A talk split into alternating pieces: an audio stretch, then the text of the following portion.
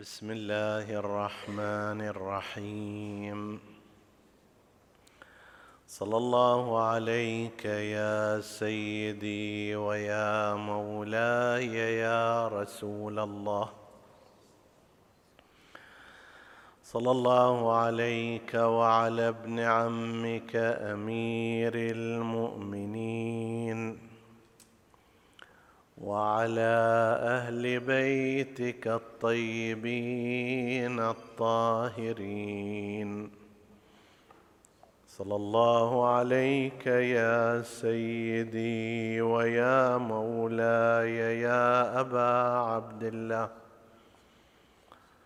ما خاب من تمسك بكم وامنا من لجأ إليكم. يا ليتنا كنا معكم فنفوز فوزا عظيما. قال الله العظيم في كتابه الكريم بسم الله الرحمن الرحيم. ألم نشرح لك صدرك ووضعنا عنك وزرك الذي أنقض ظهرك ورفعنا لك ذكرك. آمنا بالله. صدق الله العلي العظيم. عطروا مجالسكم بذكر محمد وآل محمد.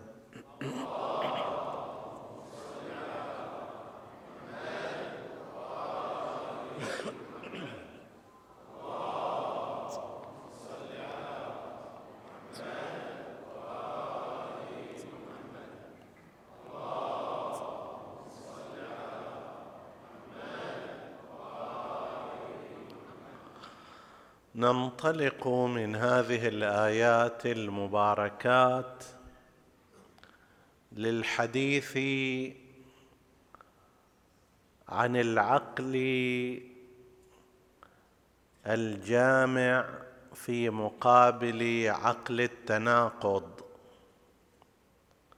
عن الصدر المنشرح والأفق الواسع في مقابل الصدر الضيق الحرج كما يعبر عنه القرآن الكريم الذي لا يتسع إلا للإنسان نفسه. في البداية نطل إطلالة على هذه الآية المباركة التي تعد من أنعم الله عز وجل المبتدأ على نبينا المصطفى محمد.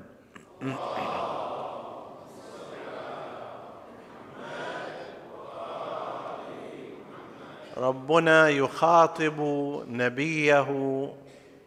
ألم نشرح لك صدرك؟ ويظهر أن هذا لم يكن بناء على سؤال. بعض العطايا تكون مبنية على سؤال فيستجيب الله عز وجل. بعضها يبتدئها الله سبحانه وتعالى على عبده أو نبيه.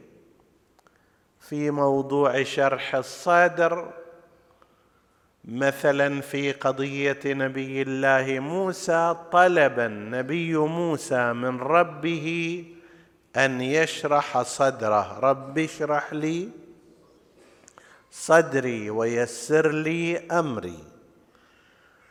ومضى في طلباته أجابه الله قد أوتيت سؤلك يا موسى فهذه عطية شرح الصدر لموسى عطية مبنية على مسألة. وأما فيما يرتبط بالنبي صلى الله عليه وآله نبينا فلا يظهر من القرآن الكريم ولا من السيرة أنها كانت مبنية على سؤال وإنما هي ابتداء من الله عز وجل إلى نبيه ومبادرة منه لعبده ورسوله. ويذكره بهذا ألم نشرح لك صدرك فيما مضى؟ بعض المفسرين أيضا أشار إلى موقع كلمة لك وقال إن ألم نشرح لك صدرك؟ تختلف عن القول ألم نشرح صدرك. موجود هذا مثلا في أماكن أخرى فمن يرد الله أن يهديه يشرح صدره للإسلام. شرح الصادر هنا يقول الله عز وجل ألم نشرح مو صدرك وإنما لك صدرك. كأنما لك هنا فيها جهة لأجلك علشانك من أجلك شرحنا لك صدرك فهذه بعد تصير نعمة مضاعفة. الدافع إلى شرح الصدر هو أنت وشرح الصدر أيضا هو نعمة عليك. من هذا يتبين أن شرح الصدر والذي سنأتي على معناه من النعم الكبرى التي يخص بها ربنا أنبياءه. وبعض النعم كالأكل والشرب وغير ذلك عامه لكل الناس لكن بهذا المعنى شرح الصدر على إطلاقه لا يصير لنبي الله موسى بعد المسألة. ولرسول الله قبل المسألة. شرح الصادر بالطبع ليس امرا ماديا. أنه مثلا الصدر يتعرض بدل ما عرضة لنفترض سبعين سنتيمتر يصير مية وسبعين ليس هكذا. وإن فسر بعض المفسرين وبعض كتاب السيرة بهذا المعنى لكنه بعيد عن الحقيقة. قال بعضهم إنه ألم نشرح لك صدرك؟ يعني ما حصل في واقعة شق الصدر لرسول الله كما زعموها.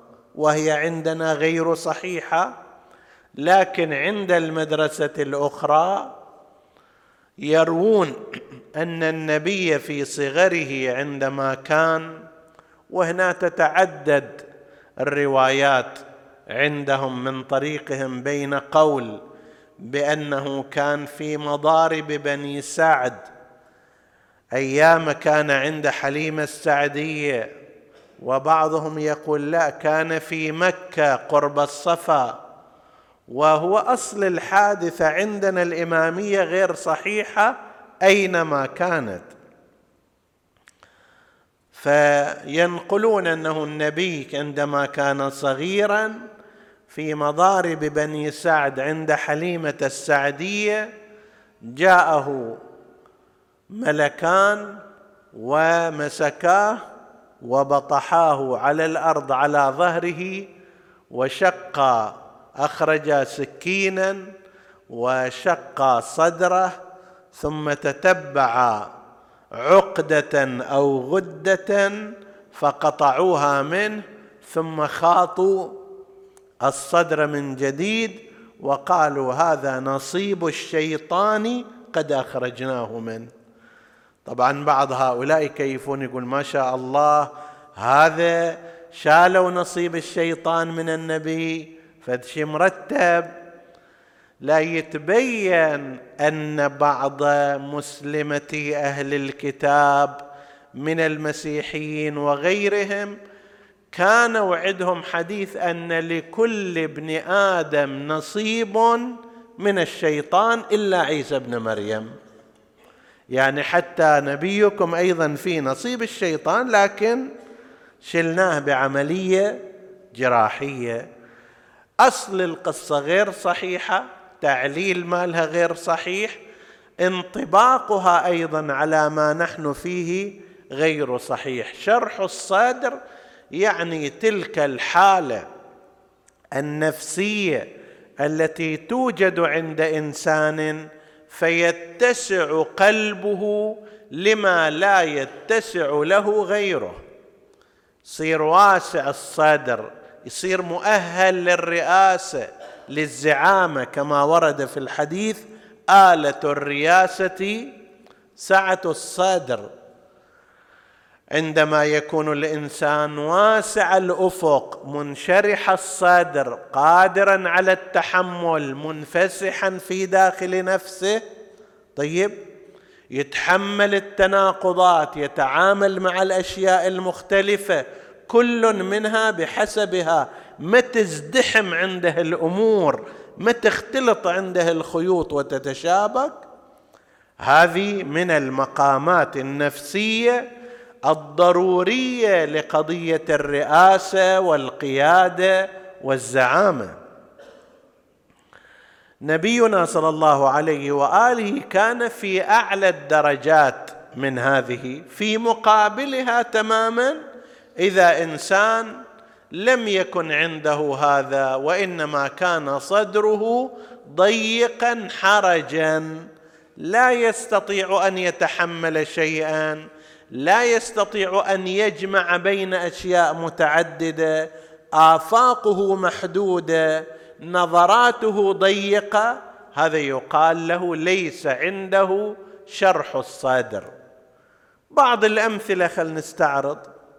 الآن عندما مثلا الإنسان المسلم الذي صدره منشرح وآفاقه واسعة. عندما يسمع مثلا بمصيبة حلت على أناس في مكان ما من الأرض حتى وإن لم يكونوا مسلمين يتعاطف معهم باعتبار أنهم خلق الله وعباد الله. لنفترض فد فيضان في مكان معين من الأماكن ناس فقراء ولكن مثلا دينهم المسيحية دينهم اليهودية أو غير ذلك. هذا صاحب الصدر المنشرح والواسع والمنفتح لا يمتنع من التعاطف معهم عند دائرة اسمها شنو؟ الدائرة الإنسانية. دائرة خلق الله دائرة عباد الله. فإن الناس إما أخ لك في الدين أو نظير لك في الخلق. فأنا أتعاطف مع هذا من هذا الجانب وإن كان لا أرتضي دينه. قد يكون الدين اللي هو عليه أنا لا ارتضيه يصير في مكان ما من الأماكن كارثة مشكلة نكبة لمسلمين.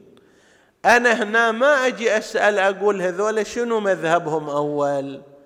إذا مذهبهم مثل مذهبي إيه أتعاطف وياهم أحن عليهم أتبرع لهم.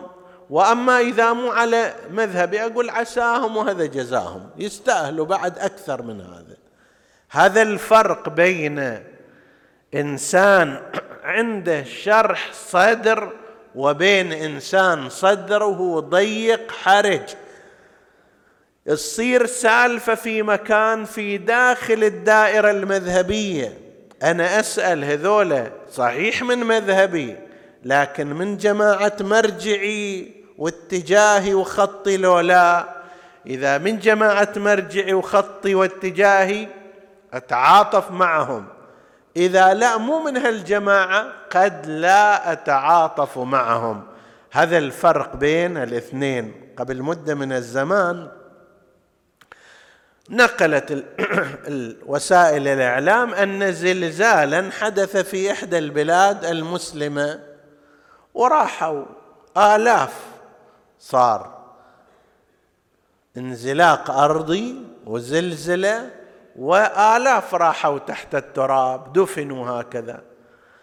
بعض هؤلاء ضيقي الصدر لما سمعوا أن أن هؤلاء هم على غير مذهبهم تمنوا أنه يا ليت بعد كان أكثر العدد اللي راحوا تحت هذه الزلزلة. بعدين التفتوا جاءت الأخبار ترى لا هذول من نفس المذهب والخبر اللي وصل وصل غير صحيح. هاي المنطقة مشتركة معكم في المذهب. ذاك الوقت تأسفوا وتألموا وطلبوا بالتبرعات وما شابه ذلك. هذا هو الصدر الضيق الصدر الحرج غير المنشرح. وذاك اللي يقول أنا ما يمنعني. أن أكون على مذهب أهل البيت وتقليدي للمرجع الفلاني أن أتعاطف وأن أتواصل وأن أتعاون مع رجل مسلم على غير مذهبي يجمعني معه الإسلام. بل غير مسلم أيضا إذا نكب أتعاطف معه باعتباره واحد من عباد الله عز وجل ومن خلقه ومن البشر وأنا أتمنى لهؤلاء الخير في حياتهم وأتمنى لهم الخير حتى بأن يهتدوا إلى دين الله عز وجل. أنا أتعاطف معه وإن كنت مختلفا معه في الدين. فهذا هو الفرق بين عقل يقوم على أساس التناقض. ما دام أنا مسلم اذا لا أتعاطف مع غير المسلم. ما دام أنا موالي لا أتعاطف مع غير الموالي. ما دام أنا أقلد المرجع الفلاني لا أتعاطف مع مقلدي المرجع الفلتاني. طيب هذا هو الصدر المتناقض العقل المتناقض اللي يعيش في دائرة تناقض العلاقات تخالف العلاقات عدم الاتساع لها وذاك الطرف الآخر عقل يقوم على أساس الجمع كل واحد إله ملفه كل واحد إله دائرته بمقدار ما تشترك معه تتعاطف معه. طيب معك في المذهب والدين والإنسانية أكو هناك ثلاث أسباب لكي تدعوك للتعاطف معه. اشترك معك في الدين. أكو هناك سببان. دين وإنسانية. لا يشترك معك في الدين لكنه إنسان مستضعف من البشر. يربطك به رابط أنكما متناظران في الخلق كما يقول أمير المؤمنين سلام الله عليه. هذه الفكرة فكرة أن الإنسان يسعى لكي يكون قادرا على الجمع أن يكون قادر على الاتساع أن ينفتح صدره وينشرح قلبه لأكثر من دائرته الخاصة. إحنا نجد لها تطبيقات كثيرة في مجالات مختلفة. اولا مثال نأتي من الفقه. الفقه عندنا قاعدة لعلكم سمعتموها من بعض العلماء أو أئمة الجماعة أو غيرهم أو غيرهم هي أن الجمع مهما أمكن أولى من الطرح. يعني شنو هذا الكلام؟ لو إجينا شفنا قول كما سنأتي بعدين أن الذين ذهبوا إلى دفن الإمام السجاد هم بنو أسد. شفنا رواية مثلا هكذا. وشفنا رواية أنه الذي الذين ذهبوا لدفن الإمام الحسين هم بنو أسد. وشفنا رواية أخرى أن الذي ذهب إلى دفن الإمام الحسين هو علي بن الحسين السجاد.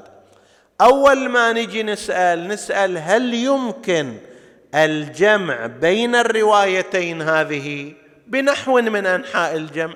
بأن نقول هم بنو أسد شاركوا ولكن ذلك كان تحت إشراف مباشر من الإمام السجاد عليه السلام. ذاك الوقت هالرواية ما تعارض هالرواية خلاص انتهى الموضوع. هم عملنا بهذه؟ بنو أسد نعم شاركوا. وعملنا بهذه الرواية أيضا الإمام السجاد شارك وكان موجودا. هذا يسموه الجمع جمع بين الروايتين مهما أمكن اولى من طرحهما. نجي نقول لا هذه الرواية تعارض تلك الرواية اذا ما نعمل فيهم. ولذلك يقولون فقاهة الفقيه فقاهة الفقيه وين تتبين؟ تتبين في قدرته على الجمع بين الروايات المتعارضة في الفقه. هذه الفكرة القاعدة فد إشارة نشير إليها يقال أن أول من ذكرها هو أحد علماء الطائفة الكبار من الأحساء محمد ابن أبي جمهور الأحسائي. معروف بابن أبي جمهور متوفى سنة 838 هجرية وهذا عالم كبير وجليل القدر وإله أنظار معتنى بها.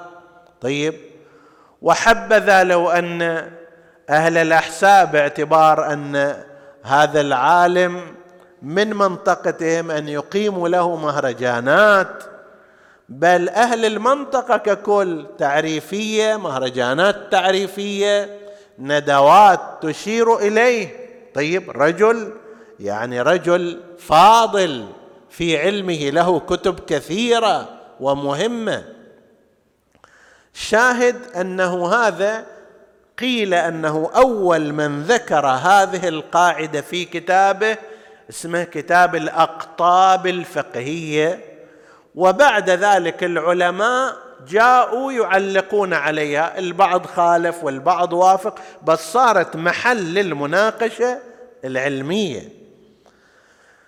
هذه أيضا يمكن إرجاعها إلى هذا المعنى أنه عقلنا إحنا يقوم على أي أساس؟ على أساس تنافر تناقض تضاد.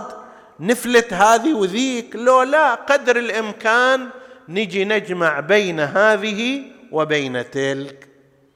هذا في الفقه نجد اليه جهة من الجهات. لما نروح إلى غير الفقه على سبيل المثال في المجال الأخلاقي لو نتعمق في بعض القضايا الحسد ليش يصير الإنسان حاسد؟ كيف؟ كيف يتحرك عامل الحسد في نفس الإنسان بحيث يتمنى زوال نعمة غيره؟ هذا الحاسد هالشكل الحاسد يشوف فد إنسان عنده سيارة جيدة يتمنى لو أن هذه السيارة تحترق. يشوف واحد عنده بيت فخم هم يقول هذا من البوق جاي. شقد هذا باق؟ وبعدين أيضا يتمنى لو أن هذا البيت ما موجود ما يبقى له يشوف لنفترض عنده أولاد صالحون. أول شيء يحاول أنه يقول لا هذول بس مظهرهم هالشكل صالحون. وإلا تعال يا ما ورا السواهي دواهي. هذا أيضا من منبع الحسد ها؟ بعدين يتمنى لو أنه بالفعل هذولا يكونون منحرفين بالفعل يتمنى لو أنه يصيدوهم على شيء. طيب وعلى هذا المعدل يشوف واحد عنده أموال يتهمه في ذمته يتمنى لو أن الزول عنه هذا الحاسد. نعوذ بالله أن يكون الإنسان حاسدا أو حتى محسودا. طيب ليش هذا الإنسان يصير؟ لماذا يصبح هكذا؟ هذا هم راجع إلى في أحد جهاته إلى أن هذا الصدر منشرح أو هذا الصدر منغلق. هذا القلب يقبل آخرين؟ لو لا ما يقبل آخرين. هل هذا الصدر يتحمل أن يقول يا رب هم أعطيه وزيده من خيرك؟ واعطيني أكثر منه. أعطي هالناس الموجودين أعطي أهل البلد أعطي كل محتاج. هذه ترى يحتاج إليه إلى قوة نفسية. مو كل واحد يتحملها. أن يتمنى ويدعو الله عز وجل بأن يزيد فلانا من خيره بأن يزيد فلانا من شخصيته بأن يزيد فلانا من توفيقه. وأن يعطيه أيضا. يا رب زيده واعطيني واعطي أخي واعطي ابن عمي وأرحامي واعطي أهل البلد. هذا يحتاج اليه إلى نفس كبيرة. يحتاج إلى صدر منشرح. يحتاج إلى سعة أفق. أما ذاك اللي لا يريد مو بس يكون الشيء لنفسه لنفسه وفقط أيضا. بحيث غيره ما يح ما يكون عنده. ذاك جاء إلى رسول الله صلى الله عليه وآله فصنع له رسول الله إحسانا فرفع يده بالدعاء وقال اللهم ارحم اللهم ارحمني ومحمدا ولا ترحم معنا أحدا أبدا. قال للنبي حجرت واسعا وش خسران؟ لا ترحم معنا أحدا يعني أنت تبغى تروح الجنة وحدك تتسردح وتتمردح فيها حسب التعبير ويش اللي يضيق عليك؟ بس هي هذه بعد عقلية هي هذا هل قلب هذا إذا اجى إلى المجتمع هل يتمنى الخير لأحد؟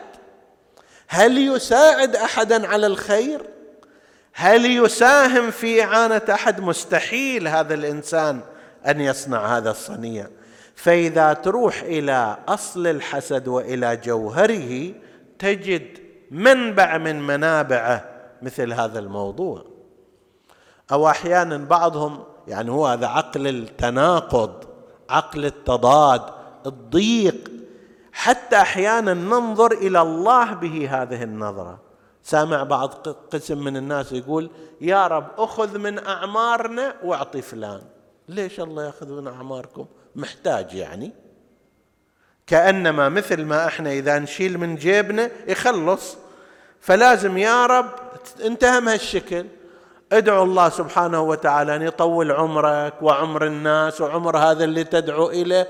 والله سبحانه وتعالى لا تزيده كثرة العطاء إلا جودا وكرما. هذا نجده في الموضوع الأخلاقي أيضا. واحد من تجليات عقل التناقض وعقل الجمع. الصدر المنشرح والصدر المنغلق نجد له تجليا في المواضيع الأخلاقية وهناك أمثلة أخرى لا نتوقف عندها. تعال إلى الموضوع الاجتماعي وهذا مشكلة المشاكل عادة. شايفين مع كل موسم يصير كلام. شنو هالمصاريف على المآتم؟ ليش تطعمون هذا الإطعام؟ ليش تصرفون على الزيارات؟ تتطور السالفة. إذا مسجد مرتب مبني مهندس بشكل جيد ليش تصرفون هالمبالغ الطائلة على المساجد؟ مشاهد ليش تخلون قباب ذهبية؟ لماذا لا تصرفون هذا في المستشفيات؟ تصرفونه في تعليم؟ تصرفونه في كفالة اليتامى؟ على الفقراء؟ كذا وكذا؟ إلى غير ذلك. هذا المعنى هذا الكلام ينم عن عقل فيه تضاد بين الأشياء وعن صدر منغلق لا يتسع. هو يريد فد شيء واحد ما يريد غيره. طيب هو اللي في باله مثلا أنه يصرف على مستشفى فلازم كل البشر يتوقفوا عن كل إنفاق حتى ينفق على المستشفى. عند لنفترض يتيم اليتيم يستحق. ولكن يقول لك لازم تتوقف كل حركة الناس في أي عمل من الأعمال. طيب بس هذا لازم ينصرف فيه. هذا يعني أن الإنسان ليس عنده شرح صدر. نعم أنت تقوم بدور توعوي وتبليغي في جهة من الجهات في رأيك ترشد الإنفاق. مثلا تقول يا جماعة الخير لنفترض في قضية الإطعام. الآن إذا تسوون إطعام في محلة واحدة سيزيد يرمى. خلوها في أكثر من محلة. جيد. هذا إذا اقتنع به أصحابه شيء جيد. تقدر حتى تتقدم خطوة إلى أكثر من هذا. تجي تقول إلى هذا الإنسان اللي عنده يمكن أن يستقبل. تجي تقول له أنت بدل ما تطعم هذا الروز والناس الحمد لله بخير وغيرك أيضا يصنع هذا. تعال أطعم عقولهم الوعي. تعال انشر الكتاب حول نهضة الحسين. تعال سوي أفلام عن نهضة الحسين. إلى غير ذلك.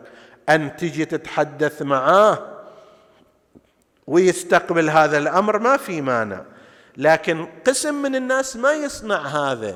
يصنع ما الذي ما, ما, ما قال عنه القرآن الكريم من نعته بعض الناس من أنهم يلمزون المتطوعين في الصدقات والذين لا يجدون إلا جهدهم فيسخرون منهم. شنو هذا الإطعام؟ شنو هذا المجلس؟ شنو هذا المسجد؟ شنو هذا الإسراف؟ شنو ذاك الما أدري؟ تبذير إلى غير ذلك. هذه هي واحدة من المشاكل الاجتماعية في العقل المتناقض. في ذهنه لا يمكن أن يكون أشياء متعددة. هو في رأيه شيء واحد ولازم يمشى وراه. إما أن يكون هناك إرشاد توجيه وذاك يقبل ما يخالف. ما حد يمانع في هذا بس إذا هذا الإنسان يقول لك لا أنا الشيء اللي تلتئم معه نفسي أحس بالراحة وأنا أدفع هذا المال هو أن الناس يشربون ماء سقاية. ما أشعر نفس الشعور ما أرجو نفس الثواب عندما أودي إلى المستشفى. واذا كان هالشكل بماذا أنت تطالبه؟ أنت عندك قدرة؟ توكل على الله. روح شوف الميدان وتعال تبرع إلى المستشفى وتبرع إلى اليتيم وأنفق على التعليم وروح سوي شوارع وإلى غير ذلك من الأمور. هذا ما حد يمنعك في هذا. لا أحد سيقول لك لا تفعل. قدرت تقنع آخرين أيضا. نعمة ما تصنع. بس لا تجي إلى الإنسان اللي قاعد ينفق ويعطي ويعمل وتلمزه وتسخر منه. هذا بعد يصير كما يقول الله عز وجل سخر الله منهم. آخر شيء الله يسخر من هذا الإنسان. ليش يسخر منه؟ لأنه سخر من غيره من غير حق. وهذه للأسف نلاحظها في أكثر من مكان وما قاعد قسم من الناس يتفهمونها. يجي لك واحد باكر أيضا أساسا ليش ليش تبنون مساجد؟ ليش تبنون مساجد؟ مساجد زايدة. بدل المساجد سووا شوارع. بدل شوارع بدل المساجد سووا أشجار. زين إذا هذا الأمر راح كله صار أن شخصا واحدا يتحكم في أموال غيره بما لا يريدون. لو كان هم يريدون ويقبلون لا بأس ولكن لا يريدون هذا. الإنسان يقول أنا عندي شيء عظيم أن أبني مسجدا. وبعد وفاتي يكون هذا المسجد فيه ذكر الله والصلاة وما شابه ذلك ويجيني الثواب إلى أن تقوم القيامة. هذا عندي أحسن من أي شيء آخر. إذا راح أدفع فلوس راح أدفع فلوس في هذا الجانب. أنت تجي تسخر منه بهذه الطريقة؟ لا معنى لذلك. فقد يكون أيضا في الجانب الاجتماعي بعض المظاهر التي تشير إلى حالة من العقل المتضاد عنده الأشياء مختلطة ما يقدر يفصلها كل شيء في جانبه. ذاك يقول لك أنت تتبرع إلى هذا جزاك الله خير وإن شاء الله هم يغطي حاجة اجتماعية. تتبرع في هذا الجانب جزاك الله خير يغطي حاجة اجتماعية. إذا هم أريد أقترح عليك أقترح عليك في الأمر الفلاني. تقبل تقبل ما تقبل توكل على الله. للأسف قسم من الناس لا يمتلكون هذا الشرح شرح الصدر. في الأمور العامة هم نفس الشيء. ما في سعة أفق ما في حالة من انفساح الصدر. أنا أتخذ منهج وطريق في العمل هالصوب. أنت تتخذ طريق ذاك الصوب. أنا مرجعيتي كذا أنت مرجعيتك كذا. زين هذا في الحالة الطبيعية المفروض يكون طبيعي. قل كل يعمل على شاكلته. فربكم أعلم بمن هو أهدى سبيلا. قسم من الناس يقول لا أنا هذا طريقي. وهذه مرجعيتي وهذا أسلوبي وبس. غيري أيضا ما له حق وإلا أحكي عليه وأسبه وأهرج عليه وإلى آخره. ذاك الطرف هم نفس الكلام يصير هذا الاحتراب الاجتماعي وتصير الفتن الاجتماعية. وهذه الأمور ليست امورا قطعية وإنما كلها أمور ظنية. أنا اجتهدت أو قلدت ففهمت أن هذا الطريق من الخدمة الاجتماعية طريق حسن. هل عندي مئة في المئة أن هذا الطريق طريق حسن؟ لا ما أقدر أقول هذا الحكي.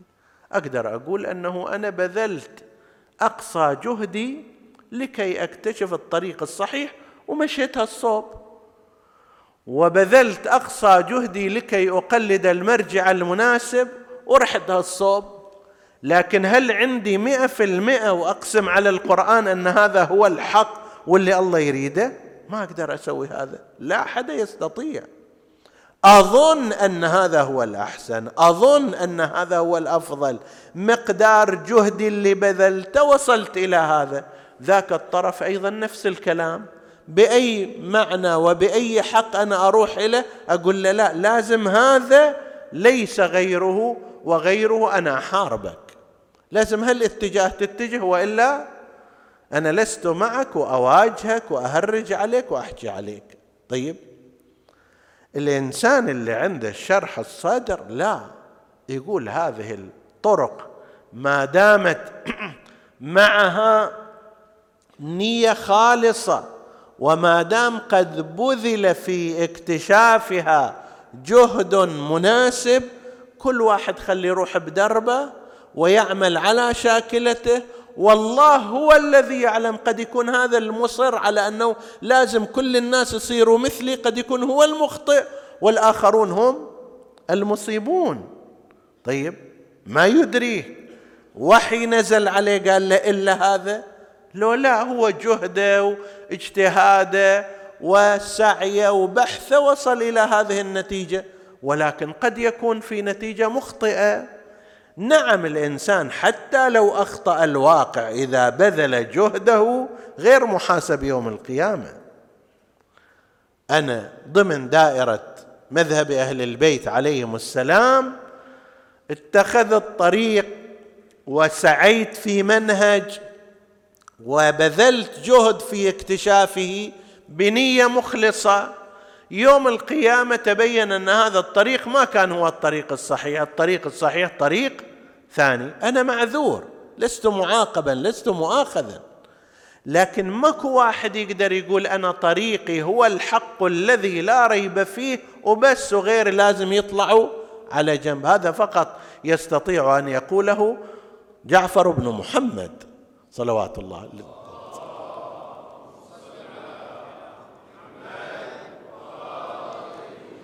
فإذا إحنا من الناحية النفسية أيها الأحباب أيتها الأخوات الكريمات من الناحية النفسية نحتاج إلى ألم نشرح لك صدرك.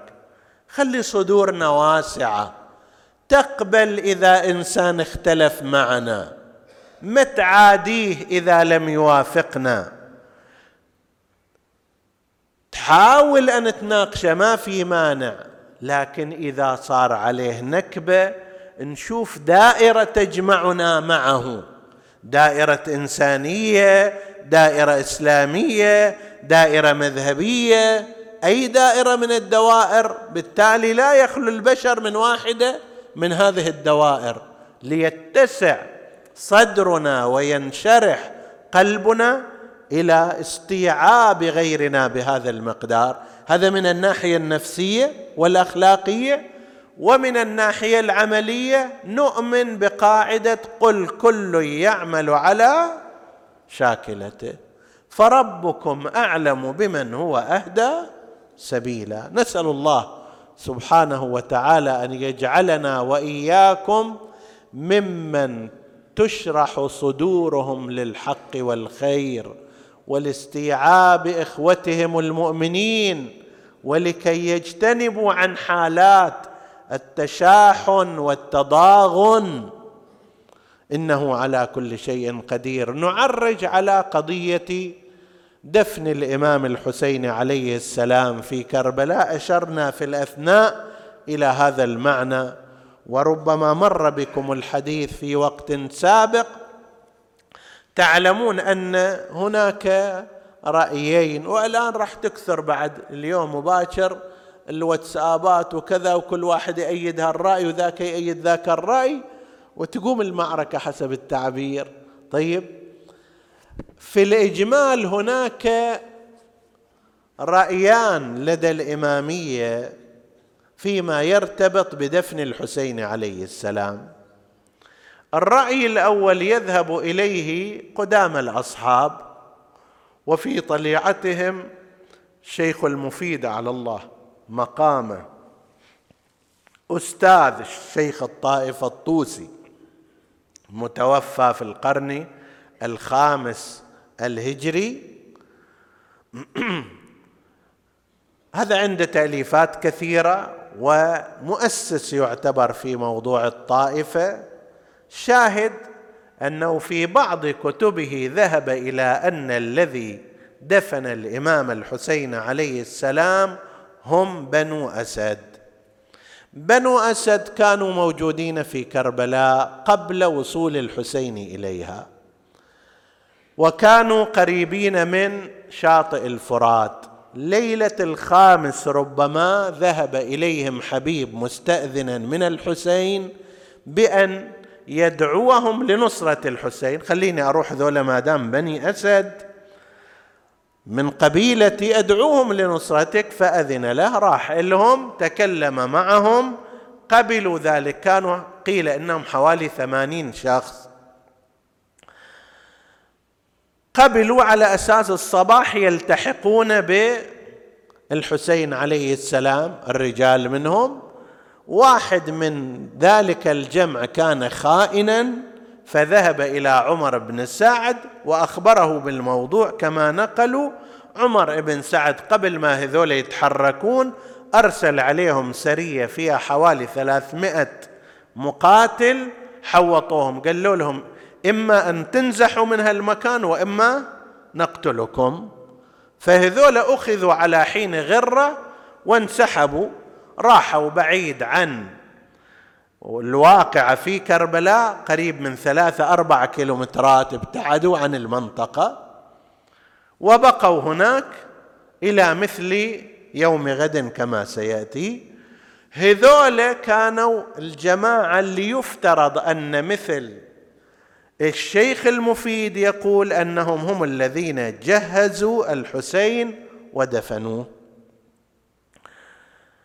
فواحد قول الشيخ المفيد شيء آخر أيضا قد يستند إليه أصحاب هذا الرأي ما جاء في بعض فقرات زيارة الناحية المقدسة السلام على من دفنه أهل القرى.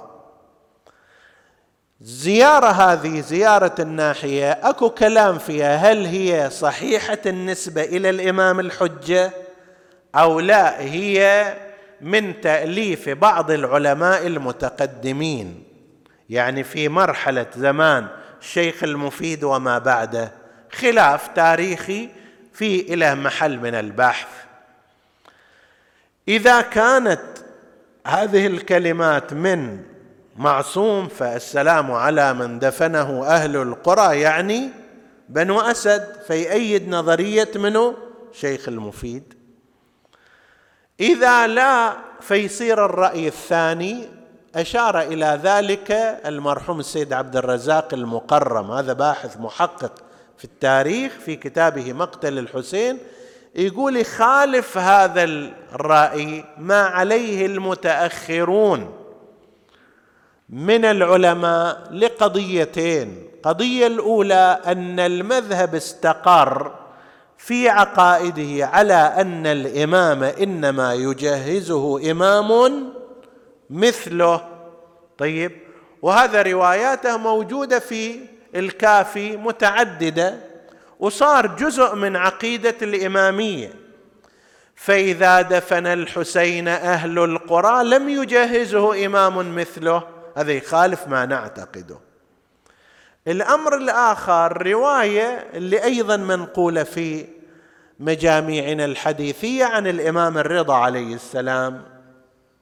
وحاصلها أن الإمام الرضا لما الواقفة الواقفة اللي وقفوا على الإمام الكاظم قالوا بعد إمام بعد الإمام الكاظم ماكو. كان عندهم هذول وكلاء كان عندهم أموال ف حتى يحتازوا على هالأموال. قالوا الإمام الكاظم ما توفي إذا ما توفي بعد إحنا مو ملزومين بعلي بن موسى بعد إمامنا الكاظم موجود. يا معودين الناس جموع بغداد طلعت على الجسر جنازته كانت محطوطة هناك. هذول الجلاوزة السلطان نادوا من أراد أن يتفرج على إمام الرافضة فهذا موسى ابن جعفر مات حتف أنفه. إعلان رسمي وحضور الناس كلها هذه سمعوا وفاته. قالوا لا. إجوا من باب آخر إلى الإمام الرضا قالوا له تعال. أبوك موسى وين كان؟ قال لهم في بغداد. توفي في السجن. أنت وين كنت؟ قال أنا كنت في المدينة. قال له لا ها حسب تعبيرنا صدناك. إحنا عندنا الشيعة عقيدة في أنه الإمام لا يجهزه إلا إمام مثله فما دام أنت ما جهزت والدك اذا أنت مو إمام. أنت مو إمام وهذا اللي إحنا نريد نقوله أنه علي بن موسى ليس بإمام. فقال لهم وهنا محل الشاهد قال لهم إن الذي مكن علي بن الحسين وهو في حبس وإسار أن يأتي من الكوفة ليلي أمر والده الحسين في كربلاء مكنني أن آتي إلى بغداد حتى ألي أمر والدي وأنا لست في حبل في حبس ولا إسار. يعني الله اللي خلى زين العابدين المسجون المأسور يجي إلى أبيه ويتولى أمره الله نفسه وأقدرني على ذلك وأنا لا محبوس ولا مأسور ولا هم يحزنون. الشاهد هو في الفقرة الأولى أنه الإمام قال لهم السجاد جاء إلى والده. أكو البعض جمع بين هذين الكلامين بأنه لا يمتنع أن بني أسد حضروا في الوقت الذي حضر فيه الإمام زين العابدين عليه السلام فصار قسم من أعمال التجهيز مثل الحفر حفر القبور وما شابه ذلك ولملمة الأجساد باستثناء جسد الإمام الحسين كانت على بني أسد لأن عدد كبير. كيف الإمام وحده يسويها؟ فكان يحتاج إلى معونة كانت بني أسد. وأما ما يرتبط بخصوص الإمام الحسين فكان قد تولاه الإمام السجاد سلام الله عليه. فبهذا يمكن التوفيق بين وجهتي النظر والجمع بينهما. الحادثة بالفعل هكذا. تقول الروايات أن بني أسد بعدما هدأت الأصوات كان هنا قريب من ثلاثين ألف جندي خيول وطبول وسيوف كل هذه تصنع ضجة توصل إلى خصوصا في أوقات الهدوء توصل إلى ثلاث كيلومترات أربع كيلومترات هذا سهل. طيب فالآن صار لهم يومين ماكو خبر ماكو صوت ماكو شيء. هذول بنو أسد أحسوا بأنه كأن شيئا قد حدث إما الجيش انسحب معركة انتهت وكانوا يحتاجون أيضا أن يتزودوا لأنفسهم بالمياه من شريعة الفرات. أقرب منطقة هي هذه المنطقة. إلى الأرض فأرسلوا نساءهم. على عادة عند العرب كانت هكذا في البادية. حتى من جهة يستطلعوا الموضوع وأيضا يستقون لهم الماء. فجاءت النساء إلى جهة المعركة. وإذا بهم وإذا بهن يرين تلك الفاجعة الرهيبة. أجساد هذا مكبوب على يمينه ذاك على شماله هذا على وجهه كلها بلا رؤوس بلا رؤوس. وبعضها مردوده وقد بنى عليها التراب والغبار. فلما رأت النساء هذا نحن نحن وبكينا وأعولنا على تلك المشاهد. ورجعنا إلى رجالهن بالخبر. ماذا يقولن؟ ما يقوله الشاعر إحنا قصدنا المشرعه وجينا المعارة وشفنا جسد مطروح وتركنا حيارة. أوصال كلها مقطعة وتسطع أنوارا. مقطوع حتى خنصرايا من شف اليمين. عرفت منه هذا اللي مقطوع خنصرة؟ من كفه اليمين. ويما ولد مثل البدر نور يتلاله. كثر الضرب والطعين ما غير جماله. ما تنحص جروحه ليش قطعوه إربا إربا؟ ما تنحص جروحه مقنطر على شماله. الله يساعد قلبك يا ليلى. فقدت الاثنين هذول هم الحسين وهم ابنها علي الأكبر. الله يساعد قلب هل فقدت الاثنين. بعد فطر مرايرنا جسد يم الشريعة. مذبوح لكن ذبحته يا يا والله فجير حتى من الزندين شفينا قطي صاحب علم جنة وسلايا هاشمي. جاء الرجال إلى موضع المعركة فاحتاروا ماذا يصنعون؟ هذه أجساد بلا رؤوس. هذه بعض الأعضاء مقطعة. هذه القطعة لمن؟ تلك القطعة لمن؟ ماذا يصنعون في هذه الحالة؟ من هو الحسين؟ من هو العباس؟ من هو حبيب؟ من هو فلان؟ لأن الرؤوس كلها مقطوعة ولا يعرف الإنسان إلا برأسه ووجهه.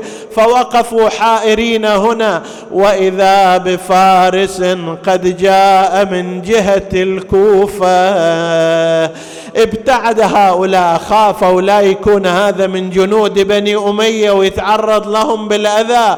لما وصل قال يا بني أسد ما الذي تفعلون وماذا تريدون؟ بعد ما أخفوا أمرهم اطمأنوا إليه.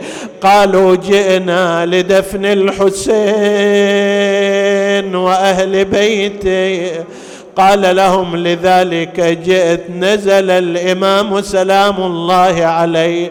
نادى يا بني أسد احفروا ها هنا حفيره حفر للإمام حفرة قبر. إلى جانبها حفرة لحبيب بن مظاهر وفي صفها حفرة كبيرة للأنصار. وعلى شاطئ الفرات حفر حفرة قبر لأبي الفضل العباس. ثم نادى يا بني أسد علي ببارية أو حصير. ماذا تصنع بالبارية؟ جئنا للدفن ماذا ما جايين للاستراحة هنا؟ قال لكي أجمع أوصال والدي الحسين. جمايا كل اوصال ابوه اللي انكسر واللي نهشم حتى قطعة قلبه اللي يستخرجوها بالسهم. ما بقى غير الكريم على الرمح يبرى الحرم عندها نادى يا بني أسد إن معي من يعينني على حمل تروحوا ادفنوا باقي الأجساد ادفنوا الأنصار ادفنوا باقي الشهداء. ثم رفعت جنازة إمامنا من مذبحه إلى القبر. يا ليتنا كنا نشيع الإمام في ذلك اليوم. بسم الله والله أكبر إلى أن وصل إلى قبر الحسين. المسافة ليست بعيدة تلاحظوا إذا رحت إلى كربلاء بين مذبح الحسين وبين موضع قبر مسافة قليلة. عندها أنزله في قبره نزل عنده. يا ابن الحسين ماذا تريد أن تصنع؟ هل تريد أن تضع خد والدك على التراب؟ آخر مستحب أن يوسد خد الميت على التراب. وين خد والدك؟ وين رأس والدك؟ هو يجول في البلدان على رمح طويل لكنه قبله في منحره ونادى أبا يا أبا أما الدنيا فبعدك مظلمه وأما الآخرة فبنور وجهك مزهره أما حزني فسرمد وأما ليلي فمسهد إلى أن يختار الله لي دارك التي أنت فيها مقيم. أو يا لحن ظهر على ابوه حسين والله يعلم بحاله. بدال الجفن والتابوت لف بارية وشال. ولم الجسد المقطع وجمع جملة وصاله عجب منا على قبره قلبه من فطر شطرين. لا قلنا الجسد لما وجاب الخنصر المقطوع والجفين خلاها بكترة والجسد مجموع. هذا الجسد وين الراس؟ راس على الرمح مرفوع. يتهادوه يا ولي ومن قلوبهم يشفون.